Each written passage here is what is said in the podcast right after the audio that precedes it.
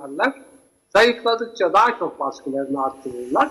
Daha çok baskıları arttırılınca daha da hızlı zayıflarlar ve ortaya çok tatsız bir manzara çıkar. Bu benim söylediğim ülkelerden biri. İkincisini de çok yeni söylemiştim, çok yeni belirtmiştim. O da şu, iktidar, bizdeki iktidar özellikle ona atıf yaparak söylemiştim. Ne kadar büyük hata yaparsa etkisi o kadar şiddetli oluyor. Yani hataların haksızlığı, büyüklüğü, hukuksuzluğu oranında bu tarafa yönelttikleri iddialar, saldırılar, yani işte vatan ihanetine varan suçlamalar da o kadar şiddetli oluyor.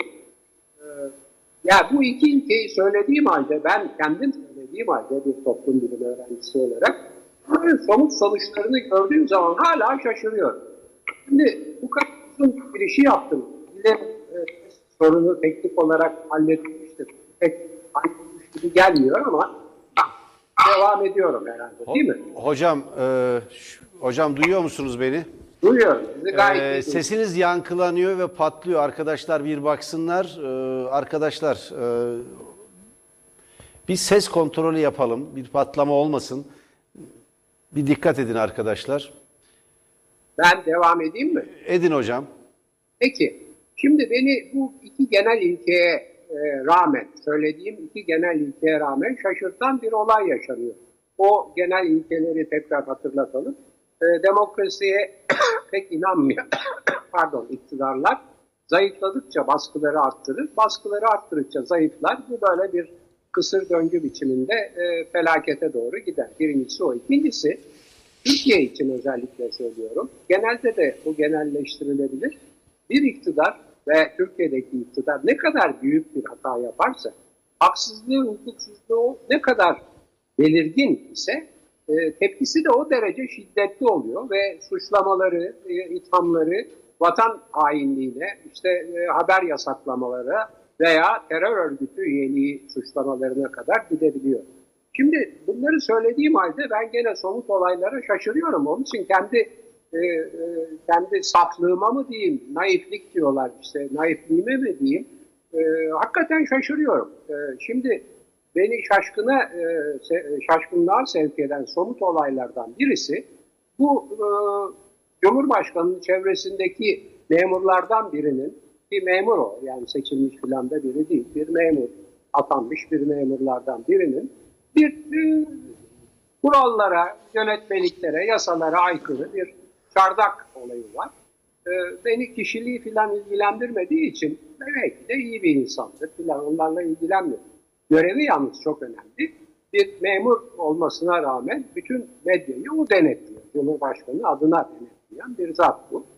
E, bu zatın yaptığı bir çardak olayını Cumhuriyet haberleştirdi. Haber doğru. E, yani bir e, haberde bir yalan yok, yanlış bir şey yok. E, bu haberi yapanları hem haberi yazanı hem işte oradan fotoğraf çekenleri filan e, terör örgütü üyesi olmakla, daha doğrusu pardon terör örgütü üyesi değil, terör örgütüne üye olmadan e, yataklık ve destek vermekle suçlayıp terörle savaşı müthiş sulandırdılar. Şimdi bu yetmiyormuş gibi gene bugün tekrar şaşırdım. Buna bir defa şaşırdım. Yazdım da bunu. Ya yapmayın bunu. Yani siz bir takım hatalarınızı örtmek için kişisel kalkan olarak kullanmayın bu terör ve terör örgütüne üye olmadan diye başlayan ceza maddesini. Zaten o madde yanlış bir madde. Muğlak her yöne çekilebilen, herkesi içeri atabileceğini bir madde ona dayanarak. Bunu yapmayın filan derken bugün bir yeni haber daha geldi. Ona da şaşırdım. Kendi şaşırdığıma da şaşırıyorum ve kendime de kızıyorum. Yani ben bu e, efendim e, insanın ahlakına, dürüstlüğüne, e, yargının e, ahlakına, meslek ahlakına ve dürüstlüğüne inanmaktan vazgeçmeyeceğim herhalde, vazgeçemeyeceğim. Dolayısıyla hala şaşırmaya devam edeceğim. Bir yargı kararı geldi. Bu habere e, yasaklama getirilmiş. Şimdi yani bilmiyorum nasıl getirilebilirdi. Yani ben hiçbir habere e, makul gerekçelerle yasaklama getirilebileceğini düşünmüyorum. Eğer haber doğru ise ki bu haber doğru. Gerekçe çok ilginç.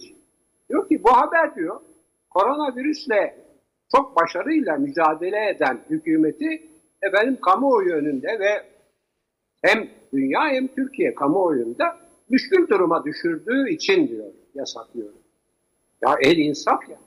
Hani bu beni şaşırtan bu haberin e, oluşmasına katkıda bulunanlara terör örgütüne üye olmadan destek iddiasıyla ki katalog suçtur, felaket cezaları ertelenmiyor, ertelenmiyor, avukatına bildirmiyorlar e, şeyleri, iddianameleri filan. Çok son derece ters bir durumdur o.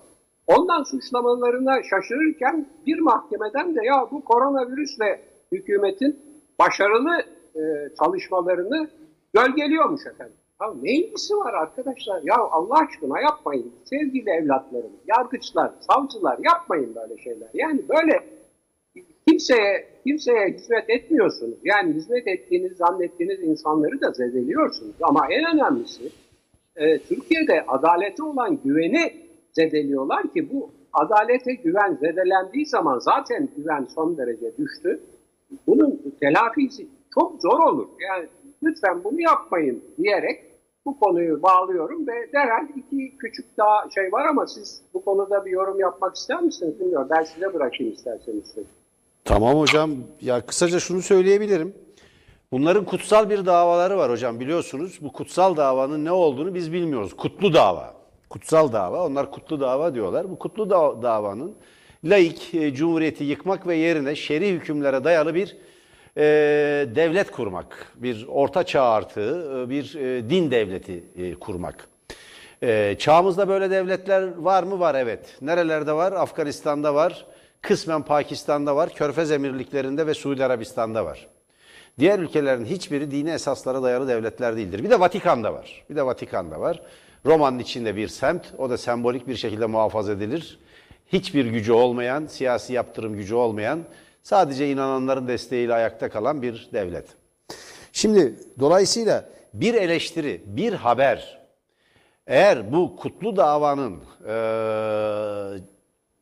mücahitlerine zarar veriyorsa, zarar veriyorsa şöyle işliyor mantıkları.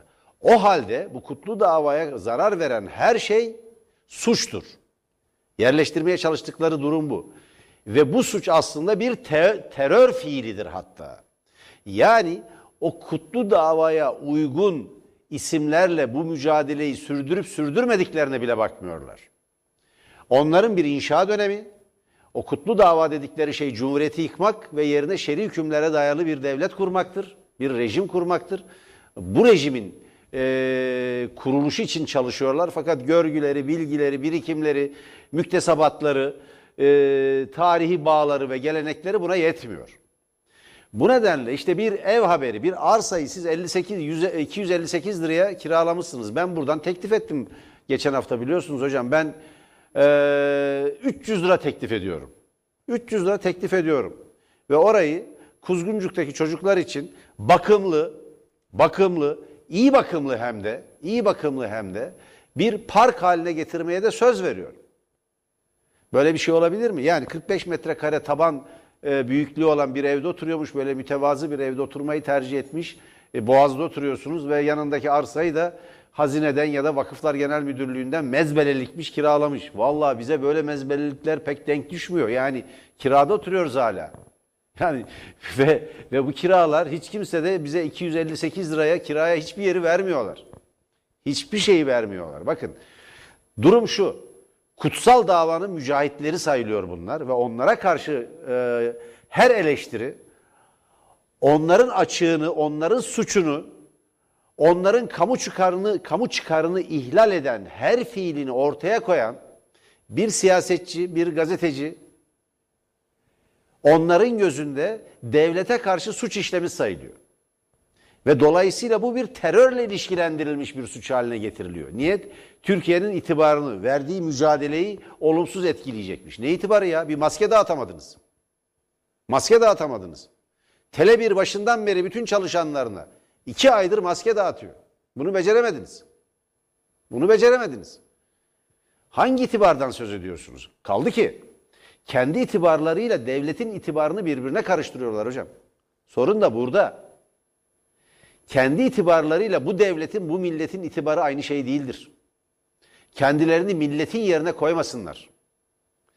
halife sultanların kendisini Allah'ın yeryüzündeki temsilcisi ilan ettikleri gibi bunlar da kendilerini milletin yerine ve milli iradenin yerine koymasınlar. Bu son derece açık. Yani bütün kamuoyu araştırmaları gösteriyor ki bu zihniyetin bugün bir seçim yapılsa alacağı oy %30'un altındadır. %70'i size karşı.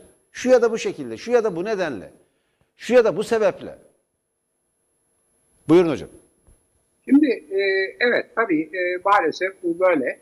E, beni çok en çok üzen şey e, yargının bu kişisel e, hatalara kalkan e, edilmesidir. E, yani hadi Kartal'da işte ev yıkıldı ona yasak geldi. Bilmem ne oldu filan bunlar anlaşılır gibi değil. Yani orada müteahhiti koruyor? Yani ev, ev, evin yıkılması ve can kaybı iktidarla ne ilgisi var canım? Yani olsa olsa yerel yönetimde bir e, denetimsizlik filan söz konusu olabilir. Böyle şeyler hoş olmuyor ve tekrar ediyorum.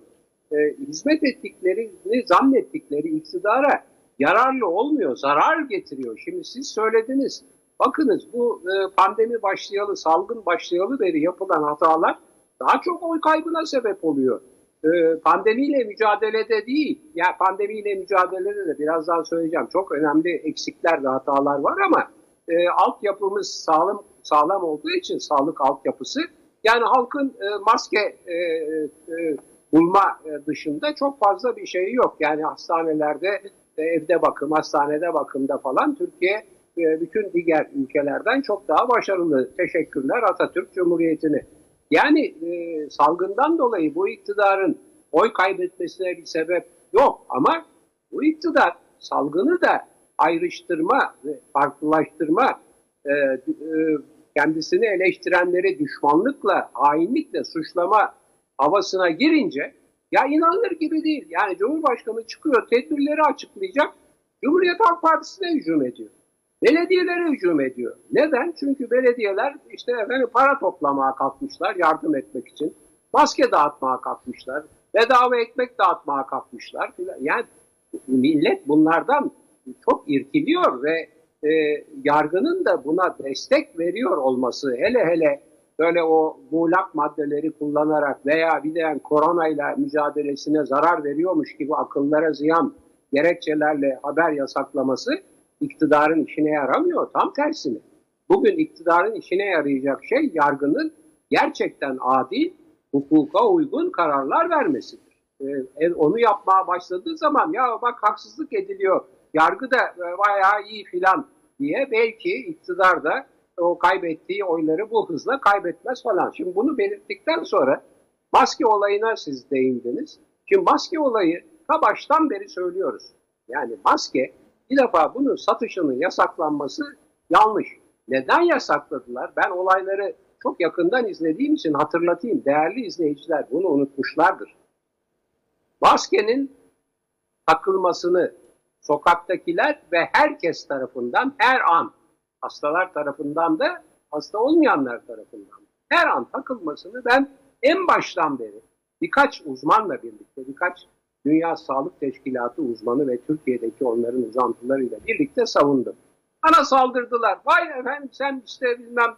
Çünkü neden saldırdılar? Onlar iktidara hizmet etmeyi ahlakları sayan bir takım meslek ahlakını ayak altına alan insanlardı bir, birikme olmasın, iktidarın elinde maske olmadığı ortaya çıkmasın filan diye. Neyse sonra anlaşıldı ki herkes maske takacak. Bunun üzerine bakın bu olay çok önemli. Hani şey söylüyor ya bakın burası çok önemli. Burası çok önemli. Eskişehir Valiliği Eskişehir Sanayi Odası'na yazı yazdı. Dedi ki maske ihtiyacı olan işletmeleri bize bildirin. Biz bedeli karşılığı onlara maske temin edeceğiz dedi. Valilik bunu söyledi. Ne zaman bunu söyledi? Herkesin maske takma zorunluluğu ortaya çıktığında bunu söyledi. Onun üzerine bu medyada büyük olay oldu. Hemen ertesi gün Cumhurbaşkanı çıktı. Haklı olarak tabii tepki veren bir biçimde. Dedi ki maskenin satışını yasakladık. Yasaktır, satılmayacak. Kendi valisinin yaptığı hatayı düzeltmek için. Bu arada Yine e, Bartın'da bir e, ilçemizde bir takım gönüllü hanımefendilerin e, kendi diktikleri maskeleri dağıtımı da bedava dağıtımı da hem de pazar yerinde filan e, iş yerinde dağıtımı da engellendi. Hanımlar e, sorgulandı filan ama sonra bir şey çıkmadı herhalde. Şimdi böyle gelişti olaylar. Şimdi burada ben o zamandan beri yazıyorum. Ya devlet bedava dağıtsın. Çeşitli yolları var. Yanlış yapıyorlar belediyelerle işbirliği yapmayarak. Muhtarlara görev ve yetki vermeyerek yanlış yapıyorlar. Halbuki en baştan belediyelerle anlaşsalar, muhtarlıklarla işbirliği yapsalar tıkır tıkır bu sistem işler. Fakat belediyeleri karşısına rakip olarak alınca ve onların yaptıkları hizmetleri engelleyince hem de onları bir de itham edince e, bu işler sarpa sardı. Ondan sonra tabii tam bir e, gülünç bir olay, bir, bir, bir fars, skandal mı dersiniz, fars mı dersiniz, bir, bir komedi mi dersiniz? Önce işte bilmem PTT dendi, PTT olmadı, E-Devlet dendi, o da olmadı, eczacılar, eczaneler dağıtacak dendi. Şimdi o da olmuyor. Daha ilginç, garip sonuçlar verecek bir kural koydular. Kamu kuruluşlarında çalışanlar kendi kurumlarından, SGK'ya tabi iş yerlerinde çalışanlar da kendi iş yerlerinden alacak. E, sosyal medya yıkılıyor. Adam diyor ki ya ben, ben eczacıyım. Çalışanlarıma maske vereceğim. Benim elimde yok. Ben nasıl alacağım? Birisi yazıyor diyor ki ya benim diyor eşim diyor bilmem işte nerede İsveç'teki bilmem bir firmanın Türkiye temsilcisi diyor. Nereden alacak filan. Ya böyle garip şeyler oluyor. Bunlar bunlar hep hep e, mevcut gerçek olayları saptırmak, kendi lehine olayları algıyı değiştirmek ve gerçeği gerçek olmayan biçimde aktarmak ve ve e, herkesi hem e, algılarını yapamayan birazcık işte herkese aptal alemi sersem kör mü zannediyorsun filan şiirinde olduğu gibi aldatmaya kalkmak. Oysa tekrar ediyorum bu ülkenin altyapısı e, bu salgınla mücadelede çok başarılıdır. Bunun üstünde dursunlar kardeşim. Rekabetle falan gitmeye gerek yok. Maske olayı da budur. Yani kendi hatalarını telafi için satışı yasakladılar. Serbest bırakın hiç olmasın. Serbest bırakın bir şey yok. Siz bedava dağıtıyorsanız zaten bu piyasa mekanizmasının biraz iktisat yalamış olan bunu bilir. Ya bedava dağıtılan mala gidip para vermek isteyen olursa gitsin versin. Ama o çok son derece düşüktür oradaki talep. Bırakın serbest bırakın efendim. Neyse yani bu da böyle daha başka şeyler de var ama bu konuyu çok uzattım. Buyurunuz efendim. Şimdi bugün Adana'da bir cinayet işlendi. 19 yaşındaki bir çocuk Ali. Ali Hemedan öldürüldü. Kalbinden vurularak öldürüldü. Adana'da. Sokağa çıkma yasağını ihlal ettiği gerekçesiyle. Suriyeli bir çocuk, bir genç. Yazık oldu. Sadece sokağa çıktığı için. Türkçe bilmeyebilir. Engelli olabilir, duymayabilir. Dur ihtiyarını fark etmeyebilir. Kalbinden tek bir kurşunla vurmak nasıl bir insafsızlıktır bunu kamuoyunun, bunu bizi izleyenlerin, bunu bu milletin vicdanına bırakıyorum. Polis tutuklanmış. Polis tutuklanmış. Bir kastı var mıydı bilmiyorum. Kastı vardı diyemem. Ama 19 yaşındaki bir çocuğa kıyılmaz. Bir gence kıyılmaz. Ama daha vahim olanı, daha acı olanı şu. Emperyalizmin ve küresel gericiliğin, Türkiye gericiliği de buna dahildi.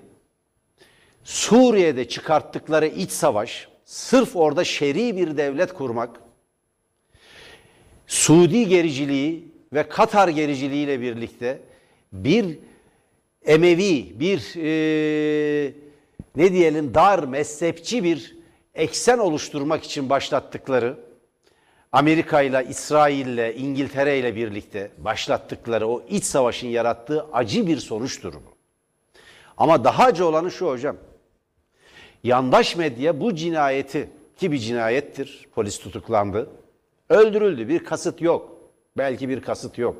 Ama Suriyeli, mülteci, kamuoyunda oluşan yabancı düşmanlığı kaçınılmaz bir biçimde o ilkel e, ne diyelim ekmeğimize ortak olduğu e, ideolojisinden, anlayışından, yaklaşımından beslenen o tepki bu sonuçlara yol açıyor.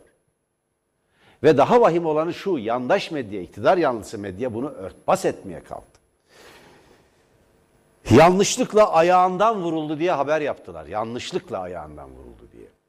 Yanlışlıkla ayağından vurulan kimse ölmez. Görüntüler ortaya çıktı ki kalbinden vurulmuş. Tek bir kurşunla. Burada durum şu, tablo şu. Yandaş medyanın sefaleti, yandaş medyanın nasıl döküldüğü ortada. Şimdi sözüm ona hani hep bütün kavramların içini boşaltıyorlar ya. Bize de yandaş medya diye saldırmaya kalkıyorlar. Güya biz de yandaşmışız. Kimin yandaşıymışız? Ha, Muhalefetin bak, yandaşıymışız. Bak onu duymadım ben. Ya Tabii, gene tabii, tabii. Yandaş medya diye saldırıyorlar. Ben- ya ben güya hatta- yandaşmışız. Ya bırakın geçin bunu. Bu palavrayı geçin. Bu ucuz palavrayı bir kenara bırakın. İktidardan nemalanmaktır yandaşlık. Yandaşlık iktidar olanaklarını kullanmaktır. İktidar kaynaklarını kullanmaktır. Yüreğiniz varsa, yüreğiniz varsa Rütük tehdidine, polis tehdidine, mahkeme tehdidine karşı, iktidar tehdidine karşı her şeyi elimizin tersiyle, bütün ikballeri, bütün çıkarları elimizin tersiyle iterek çıktığımız bu yolculukta olduğu gibi siz de gerçekleri açıklama cesaretini gösterirsiniz. Örneğin ben buradan çok açık bir şekilde söyledim. Efendim biz böyle hani baskı yapmışız da e, Can Ataklı hani özür dilemiş Ekrem İmamoğlu'ndan. Hayır. Can Ataklı kendi iradesiyle diledi. Ve sosyal medyadan bir teklif yaptım. Dedim ki biriniz bir medya kuruluşu ki yanlış buluyorum doğru bir kavram değildir. Recep Tayyip Erdoğan için çapsız diyebilirseniz eğer ve bunu da savunabilirseniz ben o programı 10 kez tekrarını yayınlatacağım arkadaşlarımla konuş. Var mı yüreğiniz? Buradan tekrarlıyorum ben. Var mı yüreğiniz? Kaldı ki hakaret doğru değildir. Şimdi genel yayın ilkeleri internet sitesinde yayınlanmış tek televizyon kuruluşuyuz biz. Hatta tek medya kuruluşuyuz biz. Açın girin tele1.com.tr'ye genel yayın ilkelerimizi orada göreceksiniz. Bir çıkış bildirisi olan, çıkış bildirisi olan tek medya kuruluşuyuz. Orada net bir şekilde ifade ettik. Eleştiriyle hakaret arasındaki çizgi, eleştiriyle iftira, eleştiriyle yalan haber arasındaki çizgi son derece kalındır. Haberde objektif, haberde bütün nesnel ölçülere uygun olacağız. Yorumda da özgür davranacağız. İlke bu. Şimdi kalbinden tek kurşunla vurulup ölen Adana'da Suriyeli bu çocuğa pırıl pırıl da bir yüzü var. Savaş mağduru bunlar belli. Yani o buraya gelip onu suistimal eden işte deniz kıyılarında nargile içenler de var yok değil. Onlar zaten bayramda, Ramazan'da filan Suriye'ye geri dönüyorlar. Nasıl mülteciyse eğer. Bir kısmı ise sefil. O Meriç kıyılarına yığdılar ya.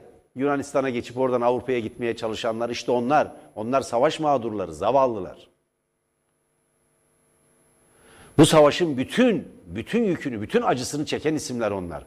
Annelerini kaybetmiş çocuklar, çocuklarını kaybetmiş anne babalar, eşini kaybetmiş kadınlar. Ve bunun tahmin edebileceğiniz yarattığı bir dizi dram. Bir dizi acı olay, bir dizi utanç verici gelişme.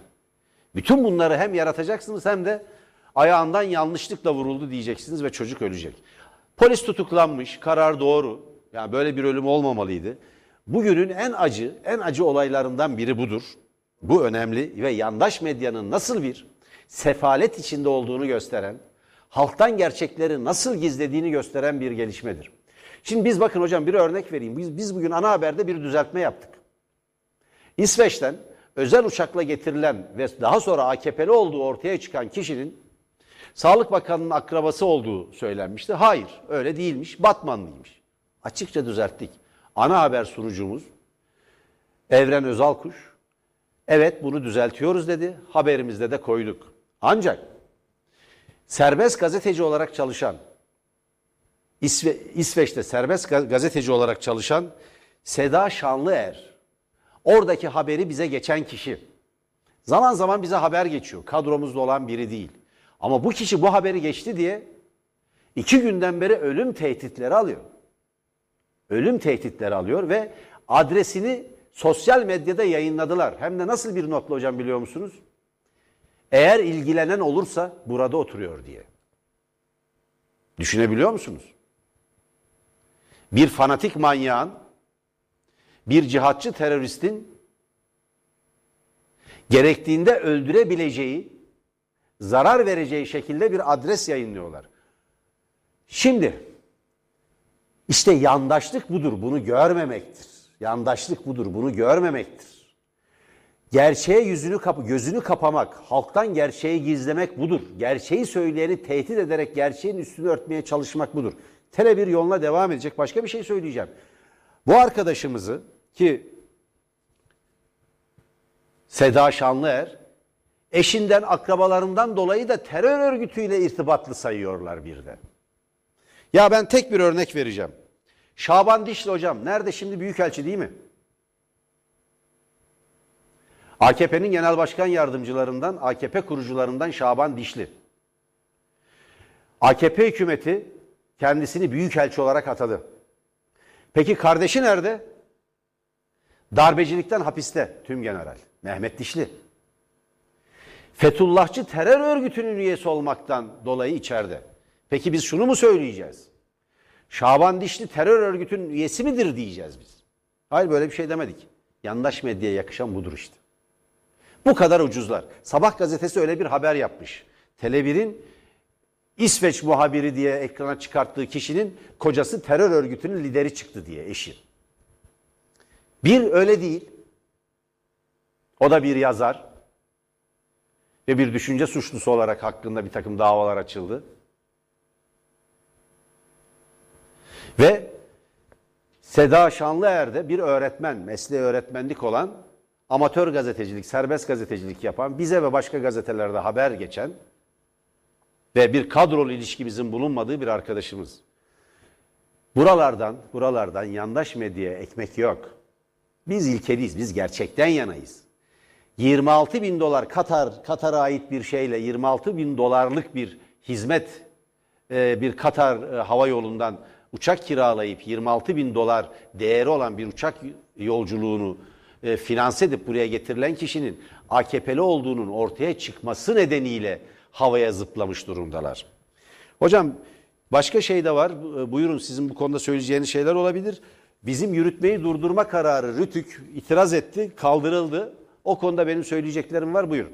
Ha, o çok önemli. Ben Kısaca. hemen o zaman e, iki başlık söyleyeyim, iki cümle. Siz o şeye şöyle hemen o kararı belirtin.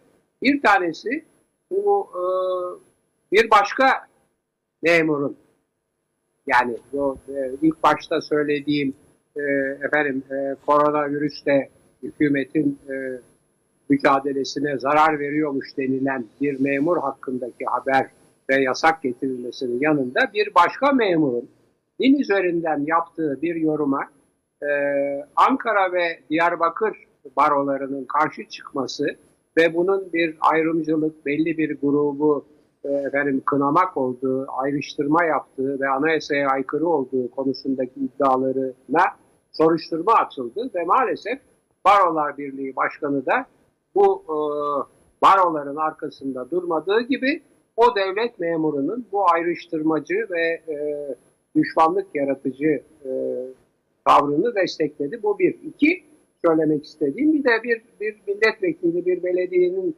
harcamaları hakkında bir soru önergesi vermiş. Cevaben belediyenin o harcamalarının ticari sır olduğu belirtilerek yanıt verilmemiş. Ya belediye yani Türkiye'yi şirket şirket gibi yöneteceğiz dediler yönetiyorlardı ama belediye bir ticari şirket midir? Yani bu bir kamu kuruluşudur.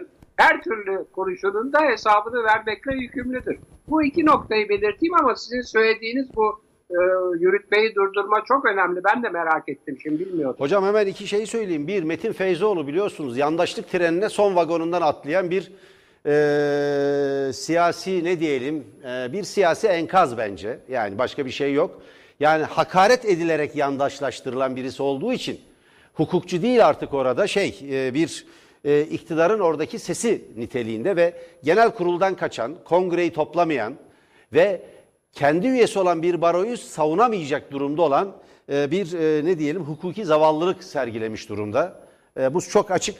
E, Diyanet İşleri Başkanlığı'nın toplumu ayrıştırıcı, toplumun bir bölümüne karşı nefret diliyle aşağılayıcı tutumuna karşı e, Ankara Barosu'nun gösterdiği tepkiye başka barolar da katıldı ve bunlara karşı davalar açılıyor. Çünkü durum şu, Diyaneti eleştirmek devlete karşı saldırı diye nitelendirildi.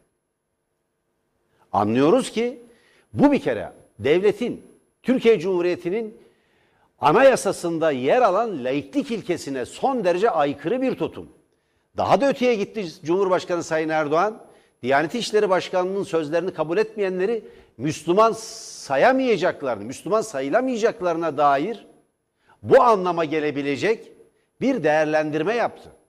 Umarım burada bir düzeltme yapar, umarım biz yanlış anlamış olalım. Bu bir felaket. Çünkü bu ülkede Diyanet İşleri Başkanlığı yapan çok sayıda insan var ve son derece farklı çizgilere sahiplerdi. Laik ve demokratik cumhuriyetin bütün ilkelerine bağlı olan Diyanet İşleri Başkanları da gördü bu ülke. Ama Arap gericiliğini, Emevi ideolojisini bu topluma din diye dayatmak ve toplumun bütün üzerinde bir baskı oluşturmak, toplumun bir kısmını ayrıştırmak, düşmanlaştırmak ve onlara nefret diliyle hitap etmek bir suçtur. Tam tersine bir suçtur. Ve eğer bir araştır, bir soruşturma yapılacaksa bu Diyanet İşleri Başkanlığı için yapılmalıdır. Tapu, Kadastro Genel Müdürlüğü gibi bir kamu kuruluşudur. Tabu, Tapu ve Kadastro Genel Müdürlüğü'nü eleştirmek nasıl suç değilse Diyanet İşleri Başkanı'nı eleştirmek de suç olamaz. Diyanet İşleri Başkanlığı'nın kutsallığı nereden geliyor ben anlamadım hocam. Siz anlayabildiniz mi? Bilmiyorum ben. Hemen geçiyorum.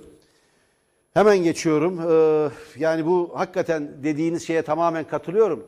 Yani belediyelere verilen halkın vergisidir ve e, bunun e, hesabını vermek yerel yönetimlerin de merkezi yönetimlerin de görevidir. Değerli seyirciler bir şey daha var. Evet elimde bir karar var. Rütük yürütmenin durdurması kararı aldırmıştık biz. Rütük'ün bizim yayın durdurma kararına karşı itiraz etmiş ve yürütmenin durdurma kararını Ankara 12. İdare Mahkemesi oy çokluğuyla kabul etmiş. Yani biz ayın eğer yarın tekrar itiraz edeceğiz, bu itirazımızdan sonuç alamazsak ayın 30'unda ve 1 Mayıs günü yani 30 Nisan ve 1 Mayıs günü sabah gün başlıyor programları yapılamayacak. Yani e, Can Ataklı gün başlıyor programını yapamayacak ve o iki gün boyunca da herhangi bir televizyon programına ve yayına çıkamayacak. Karar bu. Fakat hocam asıl önemli olan şu artık ona yarın değiniriz. Mahkeme başkanı şerh koymuş. Karşı oy kullanmış. Ve bir hukuk e, ne diyelim bir hukuk dersi gibi bir hukuk dersi gibi bir insan hakları dersi gibi bir basın ve düşünce özgürlüğü dersi anlamına gelebilecek bir gerekçe yazmış. Sayın Fetih Sayın Mahkeme Başkanı. Burada değerli seyirciler ben altını çizdim. İnanılmaz bir, e, inanılmaz demeyelim olması gereken bu. Tele1'in yayınlarının bırakın insanları dil, din, ırk, felsefi inanç gözeterek ayrıştırmak ve kim ve düşmanlığa sevk etmek bırakın bu yanı bizatihi düşünce ve ifade özgürlüğünün gerçekleştirilmesi olarak nitelemiş ve rütün tavrını basın ve ifade özgürlüğünün karşısında suç işlemek olarak tanımlamış. İhlal diye düzeltiyorum, ihlal diye tanımlamış. Bu bu bu bu kapanış bu kapanış haberi benim e, kendimi sandığım kadar saf ve naif biri olmadığımı, e, yargıya, yargıçlara olan inancımın temelli aslında bir inanç olduğunu, meslek ahlakını ve genel ahlaka inanan yargıçların hala buralarda görev yaptığını göstermesi açısından bana bir ödül oldu. Yarın programı siz açacaksınız.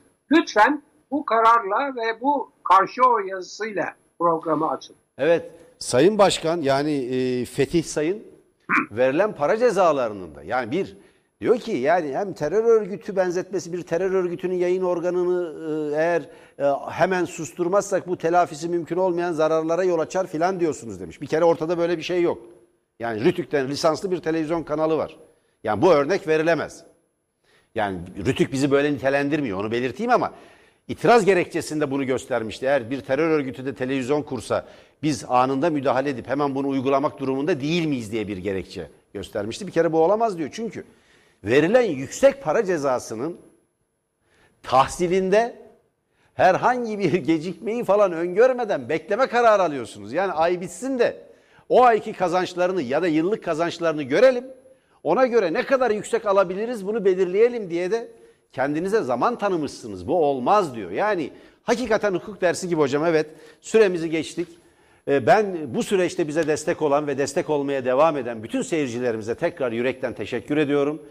Bütün bizi destekleyenlere, bize sponsor olanlara, bize katkıda bulunan bütün izleyicilerimize ve dostlarımıza çok teşekkür ediyorum. Yarın görüşmek dileğiyle. Hoşçakalın.